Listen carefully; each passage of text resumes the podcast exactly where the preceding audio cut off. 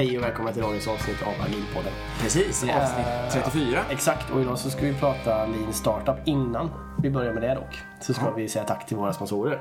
Ja, eh, informatorutbildning. Exakt, och går man in då på agilpodden.se och klickar på informatorloggan så kommer man rakt in i deras kursutbud. Så är det bara hovra er till en kurs och så anger ni agilpodden om ni anmäler er till den. Eh, exakt, vi ska gå in och puffa för några kurser sen också.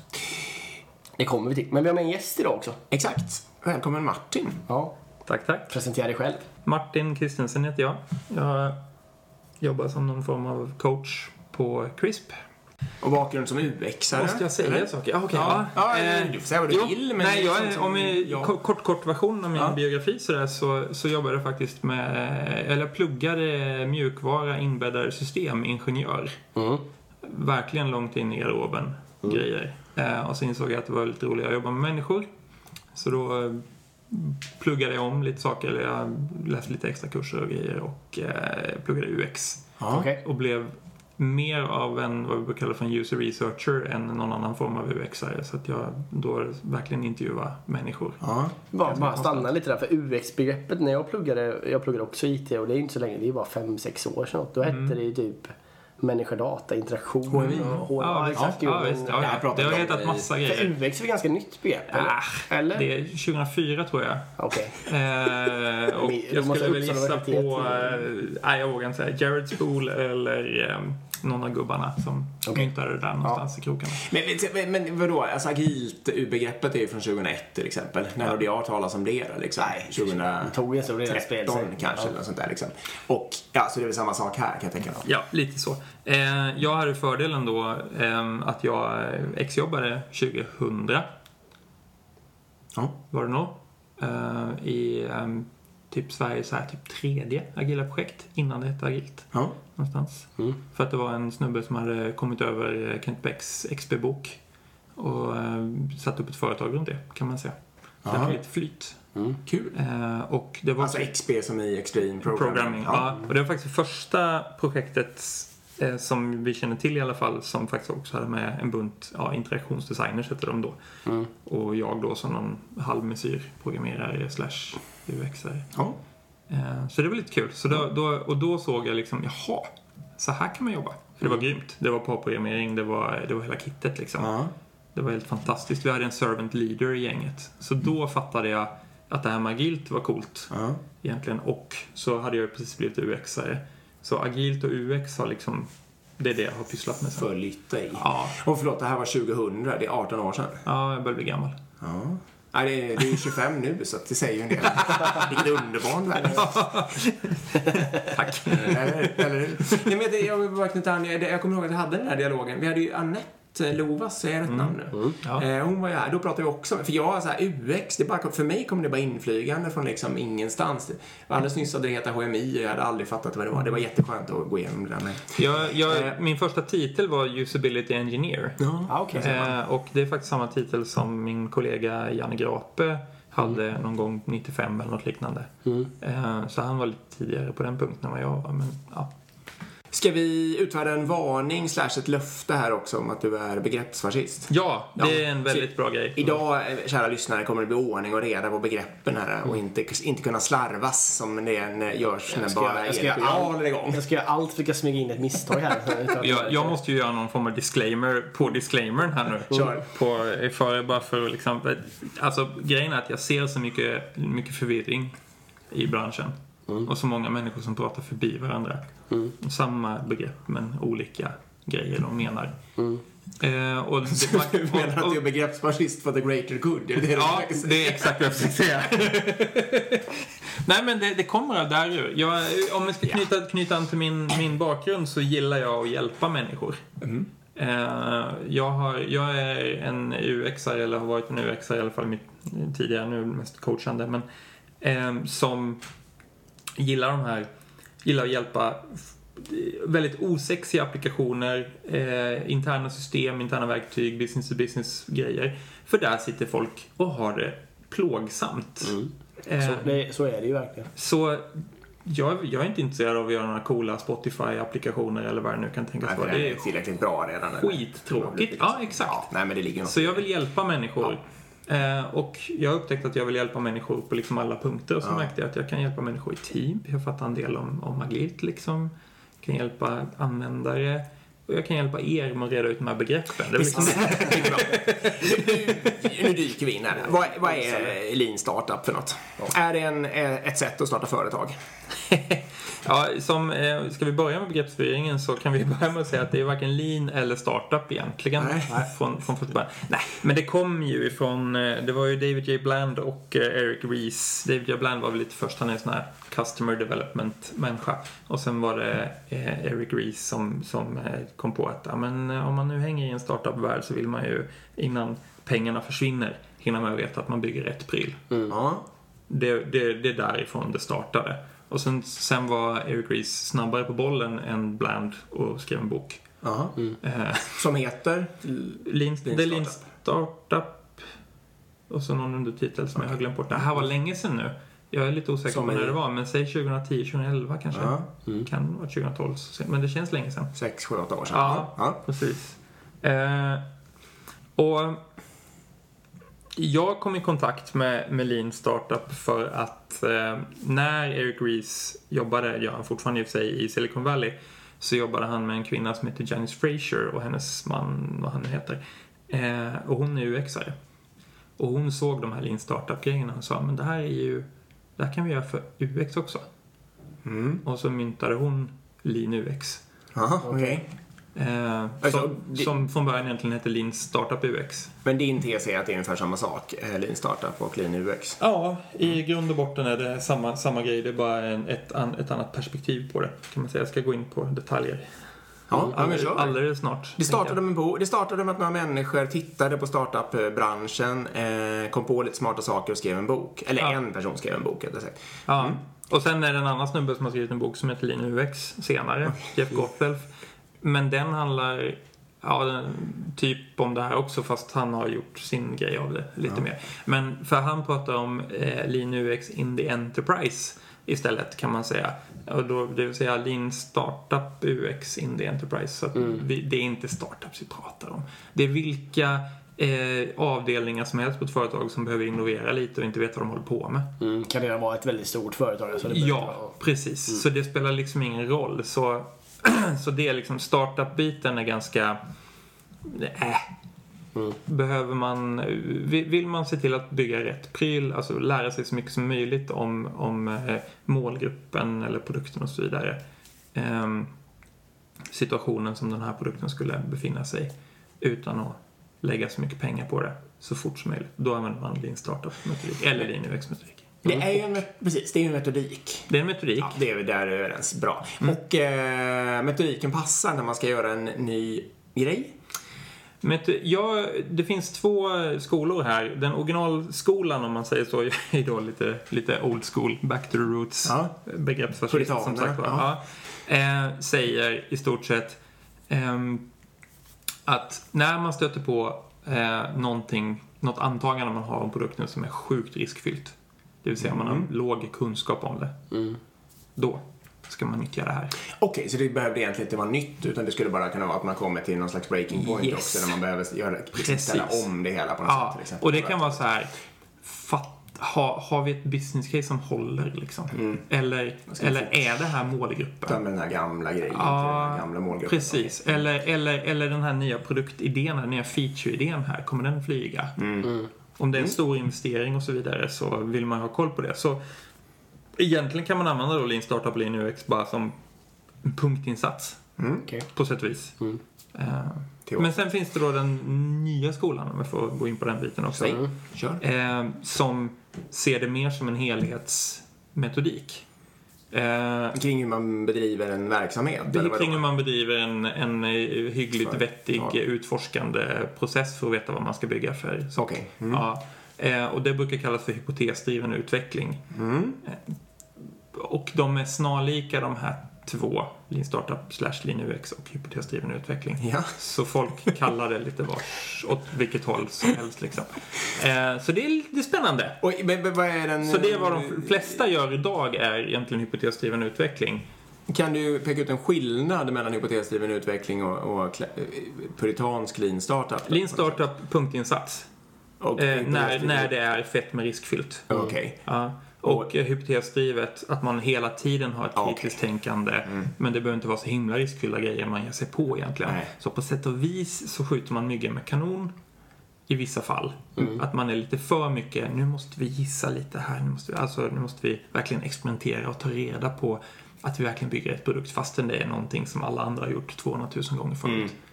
Som vi redan vet kommer funka i princip. I, I princip. Hur, hur gör man då liksom? Vad, hur går vad är grunderna? Grunderna är att man... Eh, eh, ja, det är två steg. Det är ett problemsteg och ett lösningssteg egentligen. Men säg att vi, vi kan börja med problembiten. Vi utgår ifrån ett problem som vi Ja. har. Eh, och det här problem, Sett ur brukarens eller användarens perspektiv, eller vad är det vi pratar om? Eh, om det är Lean UX eh, så pratar man användare. Ja. Om det är Lean Startup pratar man kund. Ja. Eh, Lean Startup är, har mer att göra med, det, det här är inte helt sant för de överlappar, Förstås. men det har mer att göra med, med affärens förmåga att överleva. Ja. Så man pratar mycket, mycket mer om eh, eh, vad ska vi göra för att skala upp så att vi tjänar mer pengar. Liksom. Mm.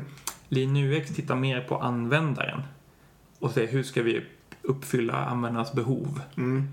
Eh, Så när vi skalar upp vår produkt för att tjäna mer pengar, hur gör vi för att inte köra över användarna? Ja. Så li- lite så. Men det är samma metodik i övrigt. Så de, Mm. bara, de bara tar två synvinklar där. Ja. Jag kommer till specifika eh, skillnader senare. Men vi har ett problem. Eh, problemet kan vara, vi vet inte om målgruppen som vi tror, eh, som vi tänker ska köpa och använda vår produkt, om de vill köpa och använda vår produkt. Nej. Det kan vara en, en grundgrej. Och då brukar man försöka spesa det här problemet så hårt som möjligt. Att man liksom skriver upp, men eh, vi tror att målgruppen är den här. Vi tänker oss att de skulle köpa den inom den här tidsperioden. Vi tänker oss att de skulle betala så här mycket för den. Vi tänker oss att de skulle använda den så här ofta och så vidare. Man försöker göra värsta hypotesen egentligen av det hela. Och då är det alltså själva, man försöker göra ett, ja, jag vågar knappt ta ordet i min mun, men man försöker skriva upp liksom en affärsplan eller något sånt där nästan. Mer en problemdefinition bara. Ah, okej. Att det så det är inte så avancerat. Det är en lång text. Ja. Och sen börjar man titta på den texten och klura på ehm, vad är det för antaganden vi gör här? Ja, ett antagande vi gjorde här nu då var ju att de här ville köpa det. Ja. Inom en viss tidsperiod var ett annat antagande. För mycket pengar var tredje antagande. Och så vidare. Och sen så listar man de här antagandena och så plockar man fram det antagandet av dem som är det mest riskfyllda antagandet. Ja. The riskiest assumption. När man har den, då bygger man ett experiment. Då, då, går man in, då, då använder man vetenskapsmetodik egentligen, scientific method, för att ta reda på om det här antagandet gäller eller inte. Mm. Så då bygger man ett experiment. Ett experiment så behöver man en hypotes. Hypotesen ska vara på något sätt eh, avgörande, mätbar. Mm. Är det här eller är det här inte? Så att man, Mm. och experimentet ska ju verkligen testa Hypotesen. här, hypotesen eh, på ett bra sätt. Eh, och så kör man det här och kör experimentet. Eh, och så får man ut eh, ett resultat. Väldigt förenklat. Eh, resultatet säger man Ja, det här antagandet stämde. Bra. Då härdar vi ut. Vi persevere Ja. med den här problemdefinitionen. Och så ger vi oss på nästa, näst mest riskfyllda antagandet. Ja. Och som en side-note här då, när vi är nere på ganska låg risk-grejer, då kör vi inte Startup eller Lean UX. Nej. Egentligen. Utan vi tar de här från mest riskfyllda ja. Liksom. Ja. Eh, för då kan vi göra UX eller kravhantering eller vad vi känner för istället. Liksom. Bara produktdefinition som det brukar kallas för. Stämde inte antagandet, ja då behöver vi kanske göra en, ett lappkast som vi säger på svenska, eller en pivot som man pratar om i Ja, Startup. ja. Att vi, vi, vi behöver en riktning, vi behöver skriva om vår problemdefinition. Den här målgruppen är inte intresserade. Finns det någon annan målgrupp som kan vara intresserade? Mm. Eller ska vi ha en ny produktidé kanske? Eller, Eller stannar vi. vi, eller stannar vi? Så pivot eller persevere, eller vad man gör. Mm. Ja. Kan, Men po- ponera då, jag måste bara komma igång i tankesättet lite. Ponera att man, bok. eh, jag tänkte säga det, tänk, Ja. jag tänkte att man ska skriva en bok i, om agila metoder och agil kultur. Eller få för sig att man är duktig på det liksom. Mm. Ehm, nu vet jag inte om vi ska säga det som det är nu eller som det var för Men man kan ju säga att vi redan har gjort en lean startup-grej då. Det var ju lite att vi, eh, att, att vi, hypotesen var ju folk intresserade av vad vi har att säga i den här frågan eller inte. Det var Ja. ju ett, ett gammalt risktagande som vi nu har testat med experimentet att starta en podd då. Ja, just det. Eh, och då var ju svaret att folk är intresserade av vad vi Det var har så. att säga. Vi skulle egentligen skrivit en Ja, bok. men- exakt. För, för, för, för, här är en, här är en nyckelgrej i det hela. Vad man gör är att man för- försöker simulera den upplevelsen. Men med mindre, Men med mindre kraft. kostnader liksom. Ja, Exakt. så det, simulera upplevelsen är nyckelgrejen i det hela. Jo, Och det var, ju- det var ju själva tanken och i och med att en bok kostar väldigt mycket pengar att göra. Alltså det insteget är väldigt högt. Eh, Jag kan tänka mig att en arbete. podd är Ja. ganska mycket också. men- så att gissningsvis hade ni kunnat Kanske eh, göra en kanske göra en bloggpost. Ja. Antagligen. Ja, Eller liknande. men det var inte så... Men sig, inköpa en Det var mick Erik som klippte i och för sig, men... men, men det, det var, var det var inte- inte jättejobbigt att få ut det där första avsnittet. Tio timmars arbete kanske. Mm. Men, och, där, och där pushar då Lean Startup Lean UX-människor ner till hur, hur små experiment kan vi göra? Mm. Tio timmar, skitmycket. Mm. Vi kan säkerligen, vi, kan, vi kanske kan göra en 30 minuter. vi kanske kan göra en seriestripp. Ja. Och, och, och så, som, är, som är så här. Det tar tio timmar. Ja, nej men det kanske... Nej, jag gör det. Ja, Det kanske, går- det kan, ja, just det. det Nej, det tar inte tio. men det kanske går ganska fort. Och så, och så, nyckeln Det var är, det var inte jätte... för att kunna mäta det här så måste man ha någon form av call to action, kallar vi det. Mm. Eh, som är, liksom, ni måste, eh, nu, er call to action nu var att kolla, eh, lyssnar folk på det här egentligen? Mm. Hur många Ja, är det som visst. lyssnar på det? Ja, ni kanske inte kollat vem det är som lyssnar på det? Jo. Så det, ja, bra. Mm, ja. Delvis. Mm. Och en call to action för en sån seriestripp kan vara liksom så här, skulle du vilja läsa en stripp till i samma ämne? Och det blir ganska billigt då. Och nu kommer vi in på ett av de mer klassiska exemplen då. Ehm, I just Lean Startup, det mest kända är ju Dropbox. Mm. Ta det. Och eh, deras upplägg var, de trodde att de med en tjänst, då var det lösningsfokus istället för problemfokus. Eh, de, trodde, de trodde att de med en, en, en specifik tjänst som, ja men, ni vet vad Dropbox är, dela filer mellan flera maskiner liksom, Mm. skulle kunna eh, sälja den här på, på ett bra sätt. Liksom Ja. och få folk intresserade. Så vad de gjorde var att de gjorde en landningssida. En landningssida har i praktiken en produktbeskrivning eh, och en call to action som är sign up here. Ja. Precis. De tweakade den landningssidan och gjorde den lite bättre. De gjorde en video. De gjorde en fake-video av hur det skulle kunna se ut. Ja. I typ så här powerpoint, tror jag. Ja. Eller li- liknande variant använde de. Så de drog och släppte saker. Total fake, inte en kodrad skriven. Nej. Smäll upp videon på den här landningssidan. Kolla hur många som fyller i sign up.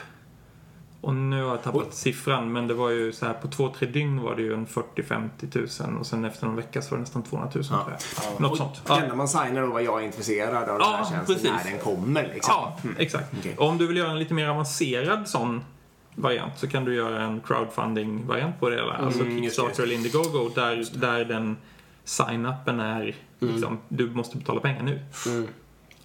Och det är ju ypperligt sånt om man nu Mm. har en sån, den typen av produktidé att Verkligen. göra. De här olika experimenten som vi pratar om här, de kallas traditionellt sett MVPer. Mm. nu kommer Här kom vi... den igen. Här kom första begreppsgrejen, Ja. exakt. Eh, dåligt namn på alla möjliga sätt. Minimum viable product. Mm. Eh, här var nog Bland, tror jag, David J. Bland som, som sa det. Jag kommer inte ihåg. Men ehm, eh, han tänkte alltså det, någonting som simulerar upplevelsen. Som vi kan använda som bas för ett experiment. Mm. Och sen slänger man det. Det var, det var grundtanken. Nej, det var ju ungefär som att säga Prototyp, proto- alltså. begriplig prototyp eller något sånt där. Exakt. Något sånt. Ja. Så vad folk säger numera eh, istället är Riskiest Assumption Test, RAT. Ja. Det är det nya ordet för MVP inom den här Ja, communityn. kanske bättre. Eh, för att slippa missförståndet med att det är någon första minimal release Mm. som det har blivit liksom. Jag kan tänka mig att det, det helt enkelt kom av att eh, okunniga chefer, eh, förlåt alla som lyssnar. Nej men någon, någon, någon, någon, produkt, någon produktchef säger liksom så här, kan vi inte bara bygga någonting som ni sen slänger? Mm. Och på den vägen tror jag det är. Ja. Mm. Och det är, väl, det är väl inte helt orimligt? Nej, Eller? Nej. Verkligen inte. Nu skulle jag vilja gräva in i Lean UX då, det. eftersom det, det. hänger ihop ganska bra. För att de här två skiljer sig egentligen då i grundtanken som Janice Fraser hade och Eric Ries när de jobbade tillsammans. Att man, sättet man mäter på i en startup är kvantitativt. Mm. Så antal sign-ups. Man kan mäta Hur mycket kan man sälja på något sätt? Ja, man kan mäta konver konvertering. En, en, en ganska vanlig eh, experimentmetodik när man har kommit till när man har en produkt och man håller på att optimera på produkten är ju AB-tester. Mm. Och Aldrig de, hört om. Jo, det har det visst. Ja, ja. Det pratar han ett om. Alltså? Ja, det. Men Länge sedan. Men vilka står det för? AB-tester, det, det heter egentligen multivariattester, men det handlar om att man jämför två olika eh, varianter Okej. för att, för att avgöra vilken funkar bäst. Mm. Och vad man testar är egentligen beteendet hos kunden. Ja. Vill man köpa någonting så med, med att någonting är presenterat som en snygg teddybjörn eller om det är presenterat som ett coolt flygplan, jag vet inte. Och så kollar man på vilken säljer bäst Ja, av de här två. Eller vilken konverterar bäst, för det behöver inte vara sälja, men det kan ju vara en massa, massa sådana grejer liksom, som dyker upp. Och så får man en, så kör man det här på tusen pers liksom, Ja. eller liknande, så ser man att ja, men 72% väljer teddybjörnen. Mm. Ja, bra. Då är det teddybjörnen vi kör med och Mm. implementerar.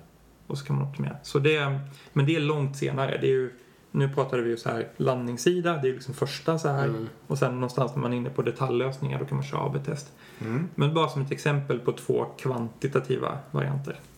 Lean UX använder kvalitativ metodik för att göra samma sak. Och kvalitativ metodik innebär i praktiken att du intervjuar ett litet antal användare och tittar efter trender.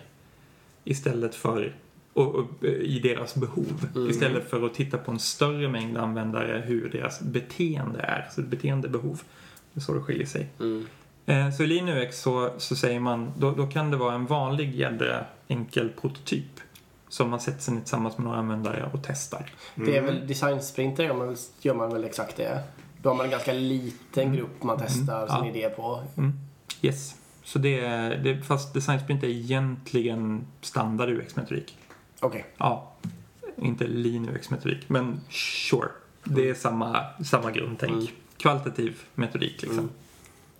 Eh, så en, en, eh, en, en djup, en djup eh, eh, test, kvalitativ test kan då vara en prototyp. Mm. Eh, lite mer som AB-tester, du testar med flera olika prototyper med olika användare. Sådär. En, en tidig test kan vara ehm, att man berättar, man, man läser upp ett scenario för någon. Skulle det här funka Mm. för dig? Eller för den delen, det finns rollspel funkar väldigt bra. Jag har varit eh, biljettautomat eh, i SJs biljetthanteringssystem en gång. Som, ja. som person liksom. Ja. Ja, med riktiga användare då som har kommit och, och försökt interagera med mig. Och då Ja. har man lärt sig ganska mycket av interaktionen utan att rita minsta lilla. Det Nej. handlar bara om liksom bara skitbilligt. fraser liksom, Ah. eller vad det nu är du vill testa. Tom kvart och skriva före och sen kör man liksom. Ja. Springer ut på centralstationen. ja, det är ju väldigt lean jämfört med att köra en designsprint på en vecka Exakt. förstås. Och det är Ja, jä- jättebra att du då kommer in på det ordet. Eh, ja. Lean. Mm. För det är exakt så mycket man menar med lean i lean startup och lean UX. Mm. Att man ska se till att undvika slöseri Ja. med folks tid. Mm. Punkt. Det, sen har det ingenting att göra med resten av alla. Det är den lilla kopplingen. Det är den lilla kopplingen. Okej. Eliminera slöseri, det är det som är kopplingen. Det är Varför slänger man in ordet lean? Är det bara för, för, för, coolt. försälja och det är coolt? Ja. Mm. Man Och stjäl startup är alltså... coolt. Startup är coolt, lean är coolt, lägg ihop dem blir ännu coolare. Eh, någon eh, MIT var det va? har först stulit Toyota Production System, stöpt om det för att få det till att slå Ja. i västvärlden. Och sen så har man stulit begreppet som de hade Så- stulit skapat. Så för ett antal år sedan nu så var det en, en eh, lean-konferens i, eh, i New York som eh, folk åkte på. Jag var där också och konstaterade att 50% av deltagarna var lean lean folk Ja, ja. och 50% av deltagarna var lean startup slash lean UX folk. ja. Eh, och det var faktiskt en lean UX-konferens. Men det är, ingen, det, det ja. Många produktionstekniker där som är Många förvirrade. produktionstek- förvirrade produktionstekniker var det och många förvirrade eh, vilka frågor de fick när de stod på scen. Gick du runt och försökte köra ut dem? Du, du, Ja. du har inte här att göra. Nej, nej, nej. Jag, jag, jag, jag, stod, jag stod mer vid sidan om och undrade vad sjutton de höll på med. Ja. Mm. Så det är lean startup eller lean UX Mm. egentligen i enkla termer. Ehm, så du, Mm. du, pysslar, du pysslar med din, din eh, vad ska vi kalla den, product discovery, som Mm. mm. slippappet här. Man försöker komma på vilken produkt det är man ska bygga. Eh, och så något tillfälle så inser du att jag vet ingenting om det här fallet. Mm. Och då, så antingen så gör du din startup eller gör du din UX för den biten, eller gör du båda. För Mm. att få komplementet liksom. I några vändor. Det kan ta, då kan du göra det i en, två veckor. Bara sen är fattar du färdig liksom. det här liksom, om man ska köra li- lite lean startup på sin idé, är det liksom vanligt då att man har rivit av, eh, alltså har man hunnit testa liksom eh, eh, så här 15 antaganden på en vecka liksom? Eller har man testat 15 på en dag eller 15 på en månad? Eller är det liksom? Eh, Det ju som, förstås på vad det gäller, men bara så Ja. jag ska få lite känsla för Ja. hur fort det här egentligen går. det som jag brukar se eh, i de team jag har hjälpt eh, inför det här och, och några exempel som finns på stan liksom. Ja. Så är det eh, någon, en eller två per vecka som man går rimligt, rimligtvis ändå. hinner med Ah, okej. om man inte har infrastruktur uppsatt för det. Ja. Mm. Amazon har infrastruktur uppsatt för det. Vilka? Amazon. Ja, ja. Ja, de kör, eh, vad är det, en per 0,7 0,6 sekunder eller något liknande. I hela företaget ja. Men inte per team. Ehm, på sajten Ja. liksom. Så de har så AB-testramverk Ja. uppsatta och grejer för att göra de bitarna. Det. Det. är optimering då, kontinuitetsoptimering. Men eh, Men om man bara är en vem som helst verksamhet som bara är en vanlig mjukvarufirma som inte har någon vana. så är det inga mer större som problem att, att, att komma upp i liksom eh, en, en två. Jag menar, Några i veckan. Om man, om, man, om man tar och jämför, det var en annan som är i den här smeten, en kvinna som heter Melissa Perry. Hon, hon hade någon, något, något bolag som hon hjälpte eh, och de hade en feedback loop på två år Mm. tidigare. Så hade de hört, tal- så hade de hört, tal- de hade hört talas om eh, Amazons 0,6 sekunder Mm. eh, och ville, ville däråt. Och efter ett tag så hade hon fått ner, det var en ganska, jag tror att det var en ganska komplex produkt och svårt att få tag på användare och hej och. Det var massa Ja. komplexa situationer. Så de, de fick ner feedbackloopen till tre månader Mm. och var missnöjda. Mm. Och hennes lärdom i det hela var så här, men shit vad ni har fått ner er feedback-loop-tid Ja, ner liksom. till en, vad sa du, vad sa du, tre år? Tre månader, från två år till tre månader. Till en åttondel. Ja. Mm. Så man ska inte tänka, aha, vi hinner bara Nej, med två, tre i veckan. Utan man ska tänka, vad, vad gjorde vi tidigare? Ja. Inte ett jävla smack. Och vad är differensen? Ja, Ja. precis. Förstås. Nej men absolut. Men om jag nu, vi tar de här serierna för det tyckte jag var ett bra exempel. Så att om jag vill veta då liksom om jag, eh, ja men i och med att det var eh, jag undrar ju just nu om det är någon som vill läsa de här stackars serierna. Då säger du att jag borde lägga ut någon form av fråge jag borde köra en vecka nu eller något sånt där och sen så borde jag lägga ut en liten fråga i slutet. Eh, det- liksom, kommer ni fortsätta läsa de här eller någonting? Se hur många som bemödar sig Ex- klicka, liksom, eller något exempelvis. sånt där. Ja. Ja. Vi ska ju kanske försöka komma på en bättre rat. Eh, som matchar eh, den upplevelsen ni vill ha av en bok. Ja. Mm, men Vi- boken är ju värre för det är ju Ja. lite högre. Men serierna är ju, även om jag nu tycker det är jobbigt att saker i det här fallet. Exakt. Mm. Så är ju ändå investeringen i varje enskild eh, sån här liksom eh, stripp är ju ändå bara ett par timmar eller Jag hade, jag hade ett exempel i, eh, i höstas. Jag eh, höll en kurs för, på en yrkeshögskola och hade en grupp studenter där som gjorde, som trän, jag tränade i Lean UX och. Ja. Mm. Och eh, de, efter många varv och iterationer och hej och hå så hade de, några av dem ett problem att de skulle behöva utbilda folk i en grej. Mm. Och, och då, var så, då ville de inte Göra bygga hela utbildningen liksom. Nej. Nej. Så Nej, då- det är ju en ganska stor investering, Så, så, det så, så då, vad de ville ha reda på då var ju, kommer det här hjälpa? Kommer en utbildning att hjälpa? Ja. Ja, men då kan man göra en nugget av information. Då kan du göra ett YouTube-klipp på eh, några minuter på ett begrepp. Ja. Och sen kollar du de som har tittat på det om, efter en vecka och kollar, kommer ni ihåg vad det här begreppet handlar om? Vadå, man gör en, en liten, liten utbildning på samma metod, liksom. utbildningsmetod som man sen har tänkt att använda och se om det fastnar liksom. Och se om det fastnar. Okej. Så det är, ju- det är Lean Startup eller Ja. UX-tänk liksom. Mm. Jag höll på att säga Lean-tänk nu, men det får jag inte göra. Nej, det... Inte just du för Nej. Vi hade kunnat säga det.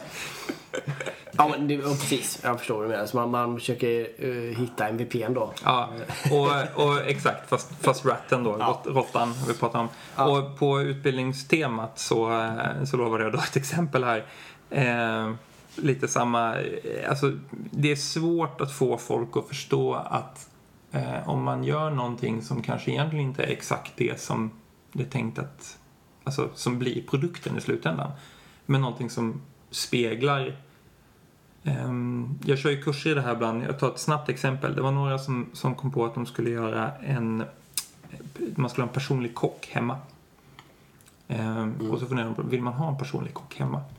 Så då var, det, var deras förslag, vi kan redan titta på de andra sådana tjänster. Där man har någon hemma. Mm. Barn, barnpassare, eh, någon typ av concierge liksom. Alltså mm. sådana grejer. Och se vad, hur folk känner inför det.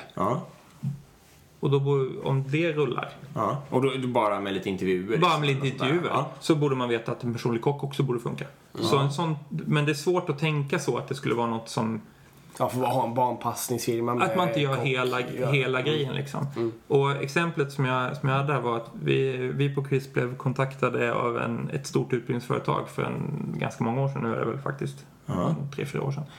Ehm, där de frågade om vi ville hålla en utbildning i just Lean UX. Ehm, och vi sa ja, sure. Ehm, och då ville de ha in eh, en full kursplan yeah. med alla eh, powerpoint slides färdiggjorda yeah. i stort sett. Och sen skulle de ta beslut om de skulle köra den här eller inte. Yeah. Det är inte riktigt så vi jobbar på CRISP utan vi kör ju då mer lean yeah. UX, lean startup-varianten. Så vi gör tvärtom. Vi slänger upp en kurshemsida mm. med, en, med, med en sign-up, det vill säga en landing page med en sign-up. Och sen kollar vi, om vi har fått, får vi tillräckligt mycket folk som är intresserade, då tar vi fram kursen. Ja. Ja, och jag är ju så inkörd i det här.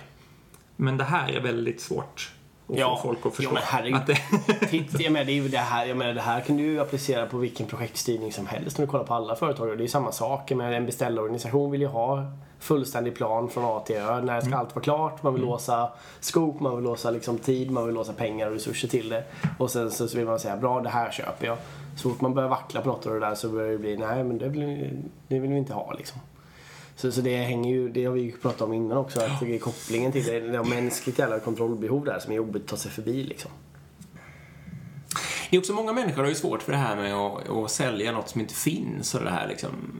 Det måste man ju komma över också. Man måste ju ha ett självförtroende att, eh, precis som ni hade i det caset då, liksom, att ta fram någonting på något som man tycker sig kunna något om eh, vid behov. Liksom. Ja, mm. och, och, folk brukar då säga att ah, vi kan inte bara hitta på och gå ut med någon konstig prototyp och sen så bygger vi aldrig den prototypen ja, e- efteråt. För då tappar vi eh, varumärke, mm. ja. förtroende och såna här grejer. Och då, då, brukar jag kontra med att det beror väl på hur ni presenterar den här prototypen. Mm. Om ni säger kolla här är en grej som vi kommer implementera sen. Versus vi gör ett litet test här och kollar om det här skulle kunna vara intressant. Mm. Alltså är det någonting man tappar varumärke på så är det väl för sjutton tvärtom-varianten. Att man går ut hårt med något skit som man verkligen säger det här står vi för, det är vår framtid och sen är det skitdåligt liksom. Ja, alltså plastcykeln eller något sånt där. Precis. Och det finns ju många, alltså det finns ju många fall på, på, på eh, eh, både de klassiska lean startup-exemplen och lean UX-exemplen som finns men det finns ju man kan ju tänka i det här tankesättet i större, eh, på större saker också. När du har en färdig produkt och våga placera den i händerna på en målgrupp som kanske inte var tänkt att ha den. Eller du, gör, du använder den på ett sätt som, ni, som, som ni inte hade tänkt på från första början. Mm. Massa sådana exempel. Jag har ett, har ett exempel med Eh, där får nog inte säga vilket bolag det är, så jag, jag säger inte vilket Nej, bolag det är. är. Eh, de hade en produkt som de utvecklade för många, många år sedan. Eh, som ett exjobb tror jag. Så det var liksom en färdig produkt. Mm. Och så började de fundera på vem kan vilja använda det här?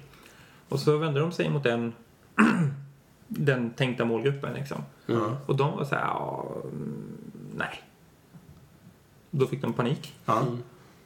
Och då började de liksom leta efter här, vem kan tänka sig vilja använda det då? Ja, men de fick en positiv panik eller ja, hur du så. Ja, det fick de väl. Eller de, de, de, gick, de gick ju inte in i väggen och la ner. Nej, de, de gjorde inte ner. Försök. En ja. annan negativ panik hade ju varit att försöka trycka ner i halsen på de här som sa att de inte vill ha det. Ja, så det fanns ju många dåliga reaktioner. Så det låter ju som en bra reaktion. Ja. Och sen, och sen har de gjort så några gånger för de, för de har eh, antingen siktat åt fel marknad eller, eller kanske hittat en marknad där, ja, men som Eh, de gjorde en grej åt svenska staten. Ja. En kund, punkt. Ja. Ja. Det finns inga fler. Det är bara Nej. Sverige liksom så. Så då måste de hitta en helt ny Ja, nisch liksom om att inte jobba med. användningen ökar av stad. Men okej då, det, Ja, men... det är för något. Men om det är en grej som man bara köper en gång så Det är en grej som man bara köper en gång. Så, så då, Right. då blir det bara så liksom. Så det, så, så, men att ha det här tänket att ja, men vår produkt som vi har kan, eller hela, hela vårt tänk, vi har ju ändå lärt oss en massa på vägen. Ja. Det kan vi göra en pivot på Ja. när som helst Ja. och inte vara rädd för den aspekten. Nej, men, Då har man kommit ganska långt i, i det här tänket utan att göra de minimala experimenten liksom. Vi har ju en eh, poddkollega i en helt annan eh, bransch som gör, eh, eller alltså i samma bransch men en helt annan genre är det jag försöker säga. Eh, som har gjort en serie ganska spektakulära ja, men som ljudböcker eller vad man nu vill kalla det för. Men han har ju nu, nu när han ska göra klart den där, då säljer han Eh, han har inte gjort det och så säljer han helt enkelt alltihopa i förväg tills han ser att han lovar att han ska göra det men han väntar så att han ser till hur många köper det för att han sen lugn nog ska känna att han har sin, sin finansiering och kunna fokusera på det och få det klart. Liksom.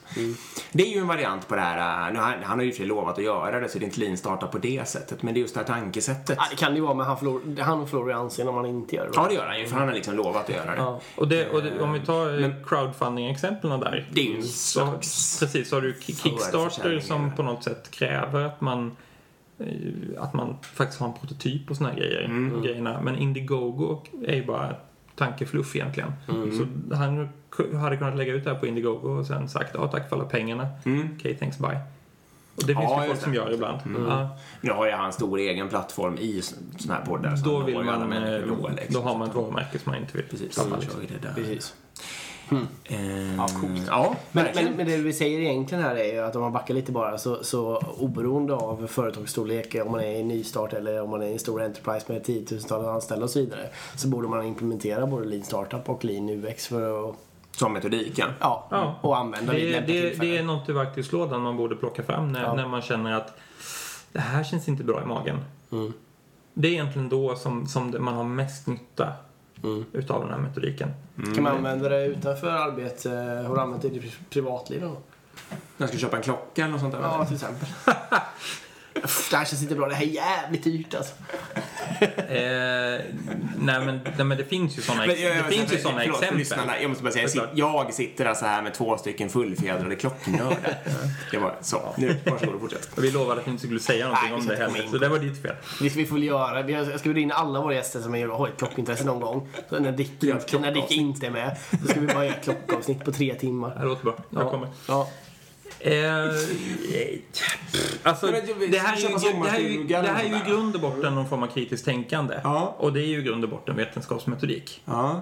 Så eh, om man börjar liksom tänka så här, bara så här, jag tror att jag har det här behovet istället för att jag har det här behovet. Ja. Då är man ganska långt gången liksom. Ja, men- att, man inte, att man inte litar på, på alla antaganden man har i huvudet. Då, men, men det skulle kunna vara så här, köpa sommarstuga och då skulle det kunna vara, vill jag verkligen vara där och då skulle man kunna Då kunde vara, man hyra ett jag, tag. jag, åker ut till den där ön och Ja, sätter mig visst. Mm. där en eftermiddag och så vidare. Precis. Se hur det känns. Och, exakt, se hur det känns. Kanske några fler dagar. skulle det kunna vara, jag har inte råd. Eh, ja. Och rakt in Man Porsche, provsitter 911, sen köper du. Ja, men, eh, men faktiskt. För, Ja, det, är- men- för det är ju den, det är samma metodik Ja. i grund och botten. Fast man i lean-starten blir nu ex, Det är ju vetenskapsmetodik, så då går man ju... Jag har inte nämnt alla bitarna, men mätningen är ganska rigorös liksom. Man ska Ja. verkligen ha så här... Det här mäter vi på. Och vi har, man har framgångskriterier som avgör om, om, om vi har mätt rätt eller Ja. inte. Liksom. Och då har man liksom, alltså det ska vara statistisk signifikans och så vidare. Om Såna det är, saker, om det eh, lean startup Ja. så är det ju en eh, kvantitativ, så då ska det vara en statistisk validitet i det Mm, hela. Om det är lean UX så är det en kvalitativ forskning och då Mm, räcker det nej, då med det. pålitlighet faktiskt. Oh, hur avgör man det? Eh, det finns ett antal begrepp, Okej. begrepp under det, men i stort sett som jag nämnde tidigare så är det att man ser, man ser en trend.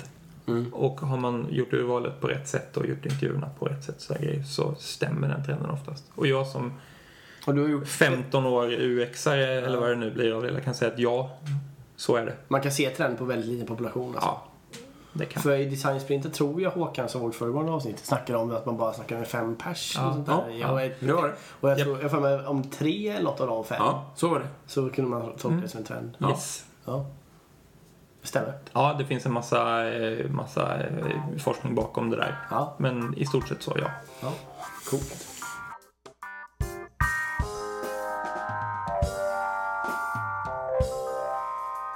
Det väldigt mycket begrepp att hålla ordning på i den här världen känner jag. Det känns som UX-arna håller på mycket med begrepp, eller? Är det så? Jag vet inte om det... det, det alltså vi har ju haft en, en, en, en, eh, identitetskris under många år. Ja, ni har det. Det Ja. började med liksom, jag menar, man var ju ergonomidesigner en gång i tiden. Ja. Eh, och sen någon form av människa-dator-interaktionsbiten och så har vi den här användbarhetsbegreppet som dök upp. Ja. Eh, och sen så expanderade man det till interaktionsdesign och informationsarkitekter Ja. så vidare. Och sen var det någon som sa, men det är ju egentligen användarupplevelsen vi sysslar med. Ja. Bra UX. Och sen har det kommit in en massa folk som inte är UXare. Mm. Som kallar sig för UXare. Ja, Är det bara alltså, vanliga frontend-utvecklare? Eller, eller, inte gra- grafiska designers. Ja, okej. Som, alltså folk som inte bryr sig så mycket om U i. UX. Utan bara, ja, det var inte jag som sa det där. Vad sa ni? Måste bli bra på att måla. Ja. Det är en väldigt bra roll att ha, men det är inte UX liksom. Och då har ju eh, stora delar av den här communityn börjat titta på andra begrepp som, som tjänstedesign. Mm. Exempelvis service Ja, design, bitar och, och annat sånt som då är samma metodik Ja. egentligen. Skiljer sig minimalt, Mm. men en ny term. Alltså, man kan bosätta sig. Eh, Det här är ju en, eh, någon form av grupp människor då, som vi pratar om. Och nu har du nämnt tror jag, åtta stycken olika begrepp som de eventuellt har kallat sig de senaste 30 åren. Eller Japp. vad det kan vara. Ja, och så ju, du har ju, Erik har ju en eh, spaning här att ja, det- UX, kallar det vad de villarna, är ju väldigt begreppsorienterade. Ja. Jo, men det, har, det, det finns väl ett behov.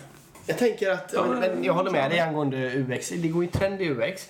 Och så tänker många... Ja, men det är trendigt med UX. Och sen så är det... Ja, du menar så, UX Ja. som sådant? ett Ja, ämne? UX är sådant är trendigt. Och så är det många chefer eh, som trycker in en UX-are liksom. I Mm. utvecklingsteam eller i utvecklingsorganisation.